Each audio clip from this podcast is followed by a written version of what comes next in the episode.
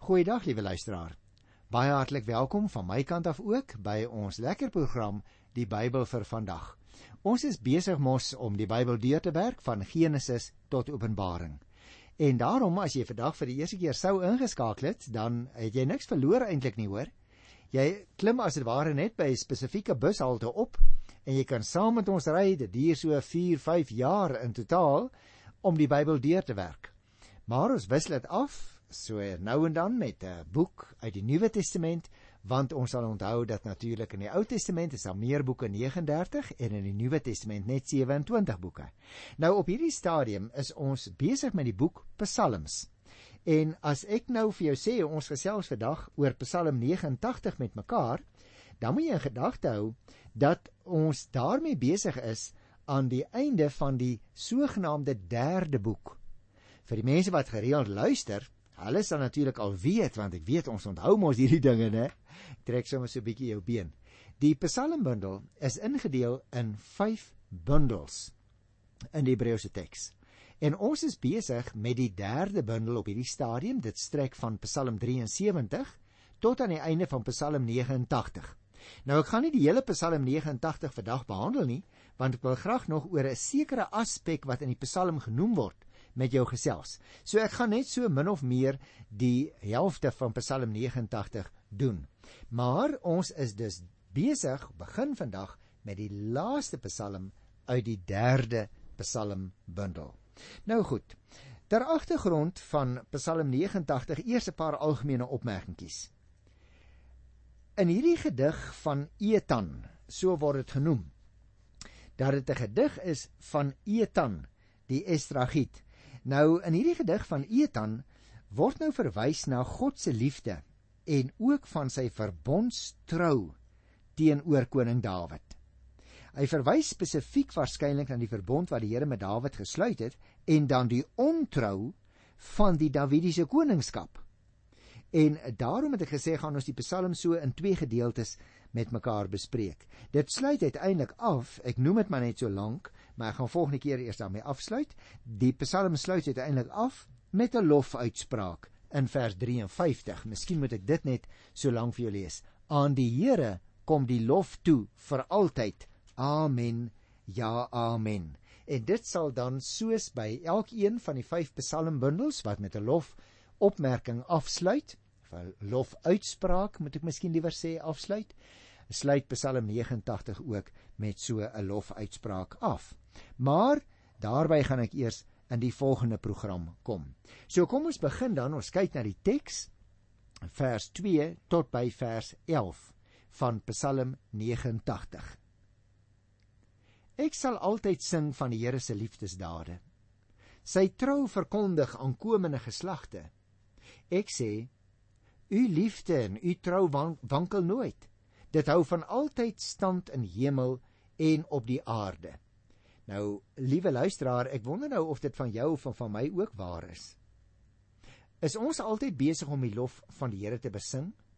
Vertel ons vir ander mense sommer so in die omgang, die doodgewone omgang van elke dag se lewe, van sy wonderdade en van sy liefdesdade wat ook in ons lewe neerslag vind van sy kant af.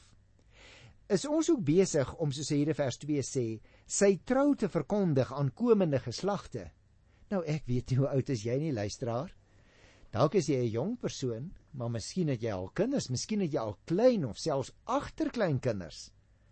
Is jy besig om die trou van die Here te verkondig aan die komende geslagte? Die Psalme sê in vers 3 ek sê: U liefde en u trou wankel nooit. Dit hou vir my altyd stand in hemel en op aarde. Nou hierdie trou van die Here is een van die minst standvaste dinge wat jy en ek in hierdie lewe mag weet. Dat God se trou vir altyd vas staan. Ons hoef nooit wat ons omstandighede ook al is daaraan te twyfel nie. Nou hier is een woordjie wat ek nou uitlaat omdat hier sprake is van in die hemel en op aarde aan die la, in die laaste sinnetjie van vers 3 want ek wil net nou so bietjie met jou spesifiek oor hierdie gedagte van die hemel gesels. Daarom wil ek eers die Psalm klaar doen. Kom ek lees nou verder van vers 4 af. U het gesê: Ek het 'n verbond gesluit met my uitverkorene. Ek het 'n eed gesweer vir my dienaar Dawid en daar kry ons spesifiek die persoon dan vermeld met wie die Here die verbondsooreenkoms aangegaan het. Ek sal vir jou 'n nageslag verseker vir altyd en jou trou in elke geslag laat standhou. Nog 'n keertjie die gedagte van die hemel in vers 6. Die hemel loof u wondermag, Here. Die hemelinge loof u. Wie in die hemel kan met u vergelyk word? Wie onder die hemelwesens is soos die Here? Hy is God. Vir hom het die hemelse vergadering 'n heilige ontzag. Hy is magtig, gevrees onder hulle almal rondom hom. Here, almagtige God, wie is soos U? U krag is groot, Here. U trou is oral. U heers oor die onstuimige see. As sy golwe opstaan, laat U hulle bedaar. U het die monster Rahab verbrysel, hy is verslaan. Deur U groot mag het U U vyande uitmekaar gejaag. En dan sê vers 12: Aan U behoort die hemel, aan U behoort die aarde, die wêreld en alles daarin. U het alles gemaak. Nou oor hierdie eerste klompie verse wil ek eers so 'n bietjie met jou gesels voordat ek oor die hemel begin praat wat ek beloof het om te doen. Nou luisteraars, volgens Psalm 132 wat ons nog sal behandel, se 18 verse, het die Here met Dawid 'n verbond gesluit. Nou hierdie Psalm waarmee ons nou besig is, naamlik Psalm 89, sluit baie nou daarbey aan. En die woorde soos byvoorbeeld liefdestrou in vers 2 en ook die woordjie trou hier in vers 2 is niks anders nie as wat ons noem verbondsteologie. Met ander woorde, wanneer 'n mens in die Ou Testament vir die bond vir van die verbond lees, lees jy gewoonlik ook van die liefdesdade van die Here. Lees jy van die trou van die Here. En so het hierdie soort terme bekend geraak deur die eeue as verbondsterminologie. Vers 4 sê byvoorbeeld ook baie uitdruklik: Ek het 'n verbond gesluit met Dawid. Daarom lyk dit vir ons asof Psalm 89 'n baie spesifieke konteks het.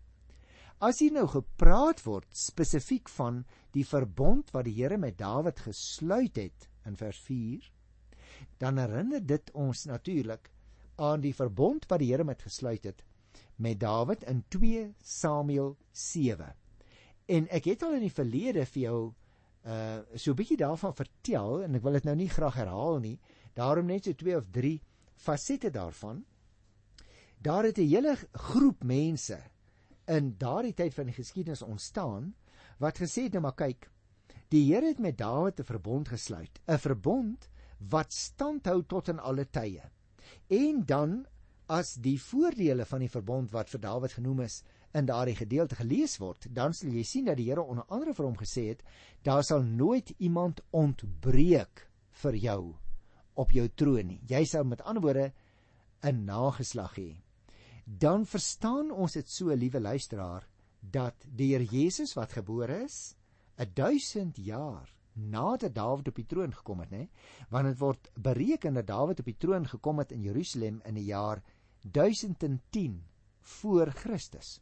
Met ander woorde, dit was eers in ronde syfers, dit was eers 'n 1000 jaar nadat die verbondsbelofte aan Dawid gegee is dat Jesus gebore is in Bethlehem. En omdat ons Jesus sien en aanvaar as die beloofde Messias, was daar dus 'n periode van 'n hele 1000 jaar en het in hierdie 1000 jaar die verbondsteologie ontwikkel en het die Jode in die toekoms eers 'n Messias begin verwag. Nou in terme van hierdie verbond word daar 'n blywende koningskap aan Dawid beloof. En dit is waarna verwys word natuurlik in die 5de vers hier van ons Psalm 89. Ek ek lees dit weer. Ek sal vir jou 'n nageslag verseker vir altyd en jou troon in elke geslag laat standhou. Nou luisteraar, dit spreek natuurlik vir sigself dat selfs koning Dawid nie 'n fisiese nageslag in hierdie wêreld vir altyd het nie. Daarom is die koms van die Here Jesus vir ons so wonderlik, want hy het uit die hemel gekom. Die Here Jesus het nie ontstaan toe hy gebore is in Bethlehem nie en ek sê dit met baie groot respek. Hy het altyd bestaan. Sy geboorte in Bethlehem was net sy fisiese sy aardse verskyning maar die Here Jesus het van tevore ook altyd bestaan en in daardie sin kan 'n mens dus baie beter kyk na 2 Samuel 7 as daar vir hom by monde van die profeet Nathan beloof is dat hy 'n blywende koningskap sal hê. Jy sien, so verstaan ons ook die skakeling tussen Ou en Nuwe Testament. Dat dit nie twee testamente is wat los staan van mekaar nie, maar hulle sluit by mekaar aan. En daarom sê ons dat die belofte wat die Here gegee het aan Dawid by monde van Nathan in 2 Samuel 7 eers sy hoogtepunt bereik het in die koms van die Here Jesus Christus by die aanvang van die Nuwe Testament.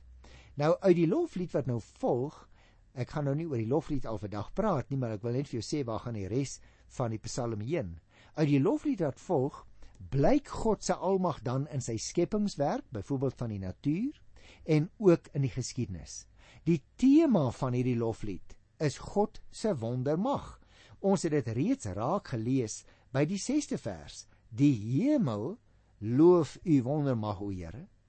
Met ander woorde, daar is niemand soos die Here nie, selfs nie die hemelwesens na wie verwys word in vers 7 nie. Almal het dus vir God ontsag, sê vers 8, want hy is die allerhoogste. Hy is die almagtige en daar is niemand soos hy nie.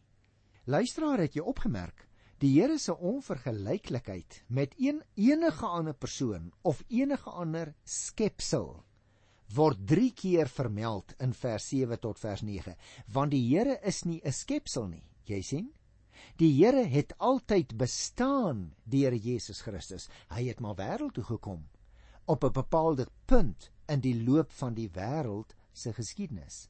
Selfs die see en die ontembare see monsters val onder God se jurisdiksie volgens vers 10 see monsters was natuurlik in die antieke tyd 'n simbool van krag die groot see monster Rahab, ons kry ook die naam in Jesaja 51 vers 9 en ook in Job 9 vers 13.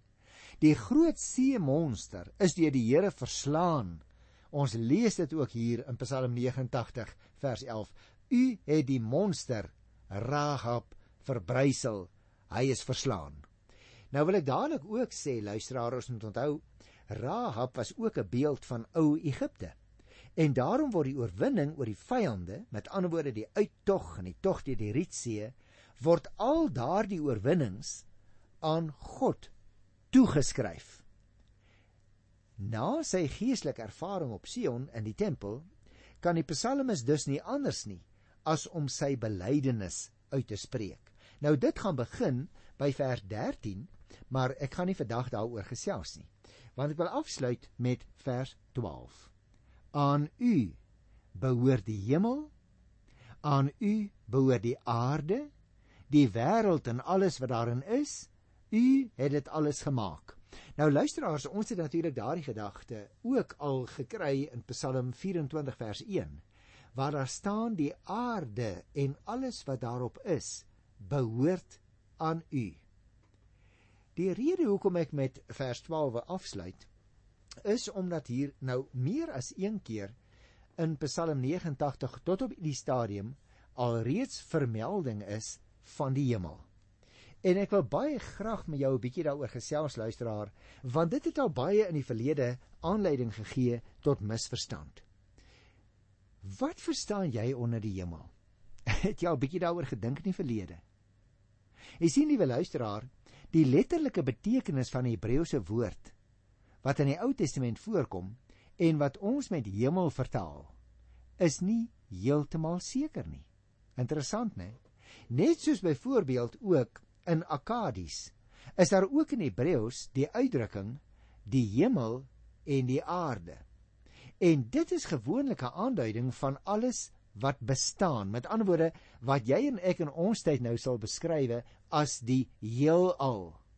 Byvoorbeeld, gaan kyk maar in Genesis 1 vers 1 of Esra 20 vers 11. Ag, as jy baie verse gaan kyk in Jeremia 23 vers 24.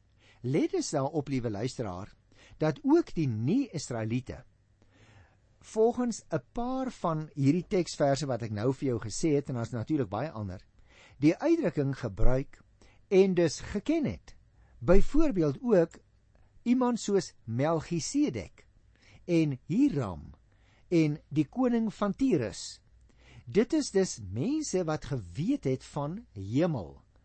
Wat nou presies die inhoud was wat hulle aan die woord toegeken het, dit kan ons nou nie altyd met groot sekerheid sê nie.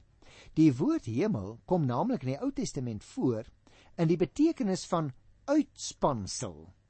Gaan kyk maar in Genesis 1 vers 8. Nou aan daardie uitspansel het God die son en die maan en die sterre gestel volgens Genesis 1 vers 14 tot 19. Jy en ek dink dikwels aan die plek hemel as 'n geografiese plek waar God sou woon. Maar dit word nie in die Bybel gesê nie. Nou hierdie sterre en ook die wolkehemel word natuurlik ook nou herhaaldelik in die Ou Testament vermeld. En daarmee word dan gepraat van dit wat ons met ons fisiese oë kan sien, soos byvoorbeeld uh die sterre aan die uitspansel wanneer die Here in Genesis 15 daarby vers vir Abraham sê jou nageslag sal wees soos die sterre aan die see. Jy kan ook kyk daarvoor in Genesis 22 vers 17. Behalwe daardie gebruik van die woordjie hemel, word die woord ook gebruik as die woonplek van God in die Ou Testament. Byvoorbeeld, die engel van God of die engel van die Here en ek het 'n vorige keer onthou ek baie goed met julle daaroor gepraat vir jou gesê daardie uitdrukking die engel van God of die engel van die Here is 'n term wat soms ook gebruik word vir God self. Nou ons lees in die Bybel in die Ou Testament byvoorbeeld dat die engel van die Here roep van die hemel af na Hagar en Abraham toe. Gaan kyk maar in Genesis 21:17 of uh Genesis 22 vers 11 byvoorbeeld.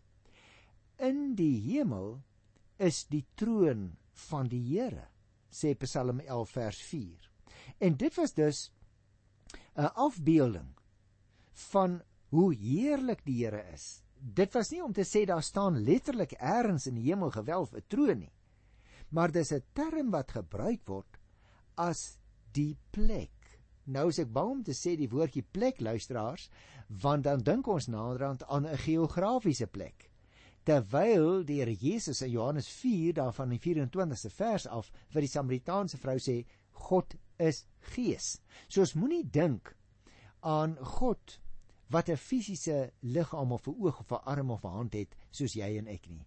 Die Bybel praat met ons oor die Here en ook oor die hemel op 'n mensvormige manier. Met ander woorde in terminologie woorde wat jy en ek sal verstaan. Daarom kry ons ook byvoorbeeld later in die geskiedenis van eh, van oud Israel die uitdrukking van die tabernakel, later ook die tempel wat dan ook afbeeldings sou wees van die hemel as woonplek van God. Nou dit word reeds aangedui vroeg in die geskiedenis van oud Israel toe daar nog nie 'n geboude tempel was nie, maar toe toe hulle 'n tent heiligdom gehad het. Uh gaan kyk maar in Eksodus 24 vers 8 of ook ehm uh, Eksodus 26, ek meen daar van die eerste versie af. Maar dit word veral vir ons duidelik, liewe luisteraar, wat die Nuwe Testament hieroor sê. As 'n mens kyk na Handelinge 7 vers 44 of ook van vers 48 af, luister. Maar sou God werklik op die aarde woon? staan daar. Kyk, die hemel, ja die hoogste hemel kan u nie bevat nie. Hoeveel minder hierdie huis wat ek gebou het wat Salomo se presiese woorde was in 1 Konings by die 8ste hoofstuk vers 27. Met ander woorde, daar was reeds in die Ou Testament 'n vaste wete hoewel die Ou Testamentiese gelowiges die uitdrukking dat die Here in die hemel woon geken het. het hulle nie die tempel wat hulle gebou het gesien as sou die Here uit die hemel kom en in hierdie aardse gebou van hulle kom woon nie. Daarom die uitdrukking hoogste hemel beteken min of meer iets soos die mees hemelse hemel. Miskien selfs die hemel in sy geheel. Nou eersgenoemde betekenis luisteraars is meer waarskynlik. Ons lees byvoorbeeld van die lied van die liedere. As 'n mens die boek Hooglied oopmaak. Ons kom dit nie agter in die Afrikaanse teks nie, want ons het dit vertaal as Hooglied. Maar in die Hebreëse teks staan daar Shira Shirim, die lied van die liedere. Met ander woorde, die beste, die mooiste, die al die allerhoogste lied wat ons ons kan voorstel is hierdie boek, die boek Hooglied. Shir Hashirim. En dan weet ons dit is nie uh die bedoeling nie. Hooglied wil maar net sê die woord Hooglied die skoonste lied. En soos jy weet, noem ons byvoorbeeld ook die Bybel. Ons sê dit is die boek van die boeke. Die hemel is dus die plek waarheen Elia opgevaar het volgens 2 Konings 2 vers 11. Dit is ook die plek waar die gevalle engele, met ander woorde die bose geeste, hulle af en toe tussen die heilige engele vertoon, voor God verskyn, selfs hulle opdragte en hulle verbiedinge van die Here ontvang volgens 1 Konings 22 van die 19de vers af. Nou mag jy my vra. Nou uh, Brian sê dit nou vir ons in 'n paar sinne. Ons kan dit alleen doen as ons ook kyk in die lig van die Nuwe Testament. Want die Bybel vertel vir ons op verskillende plekke dat die hemel die plek is waar die engele tuis is. Byvoorbeeld Matteus 18 vers 10. Christus daal byvoorbeeld ook uit die hemel neer. Johannes 3 vers 13. En nadat hy sy werk volbring het, vaar hy weer op na die hemel toe, volgens Handelinge 1 vers 11. In die hemel bied Christus dan die offer vir sy bloed aan aan sy Vader. Hebreërs 9 vers 12. Dit wil dus sê, liewe luisteraar, aan die einde van die tyd wanneer die Here weer terugkom na die aarde toe uit die hemel om die lewende en die dooies te oordeel, dan kom hy om te oordeel Matteus 24 vers 30 en daarna sal die hemel as woonplek van God verbygaan en sal die woonplek van God en die engele by die mense wees op die vernuide aarde volgens Openbaring 21 vers 3 En daarom het ek al van tevore vir jou gesê ons lees nêrens in die Bybel dat ons na ons dood na 'n geografiese plek die hemel gaan wanneer ons sterwe nie. En ons lees nêrens in die Bybel dat God op 'n geografiese plek die hemel woon nou nie. God is 'n geestelike wese. Die hele term hemel dui dus nie op 'n plek fisies en aards en geografies waarheen ons gaan nie. Die meeste wat ons dus kan sê is die hemel is waar God is. En ons weet nie waar dit is nie. Uiteindelik wanneer die tye opgerol sal word soos 'n tentdoek soos die profeet Jesaja sê en die Here Jesus terugkom na die aarde toe, dan sal die aarde herstel word tot die hemelse paradys wat dit van tevore was dan kom die Here by ons woon op die nuwe aarde. Daarom ken jy daardie pragtige lied. Ek sien 'n nuwe hemel kom, 'n aarde nuut en vry. Ek groet jou dus op hierdie wonderlike positiewe noot. Jesus kom weer en hy kom onder ons woon op die nuwe aarde. Tot volgende keer dan. Totsiens.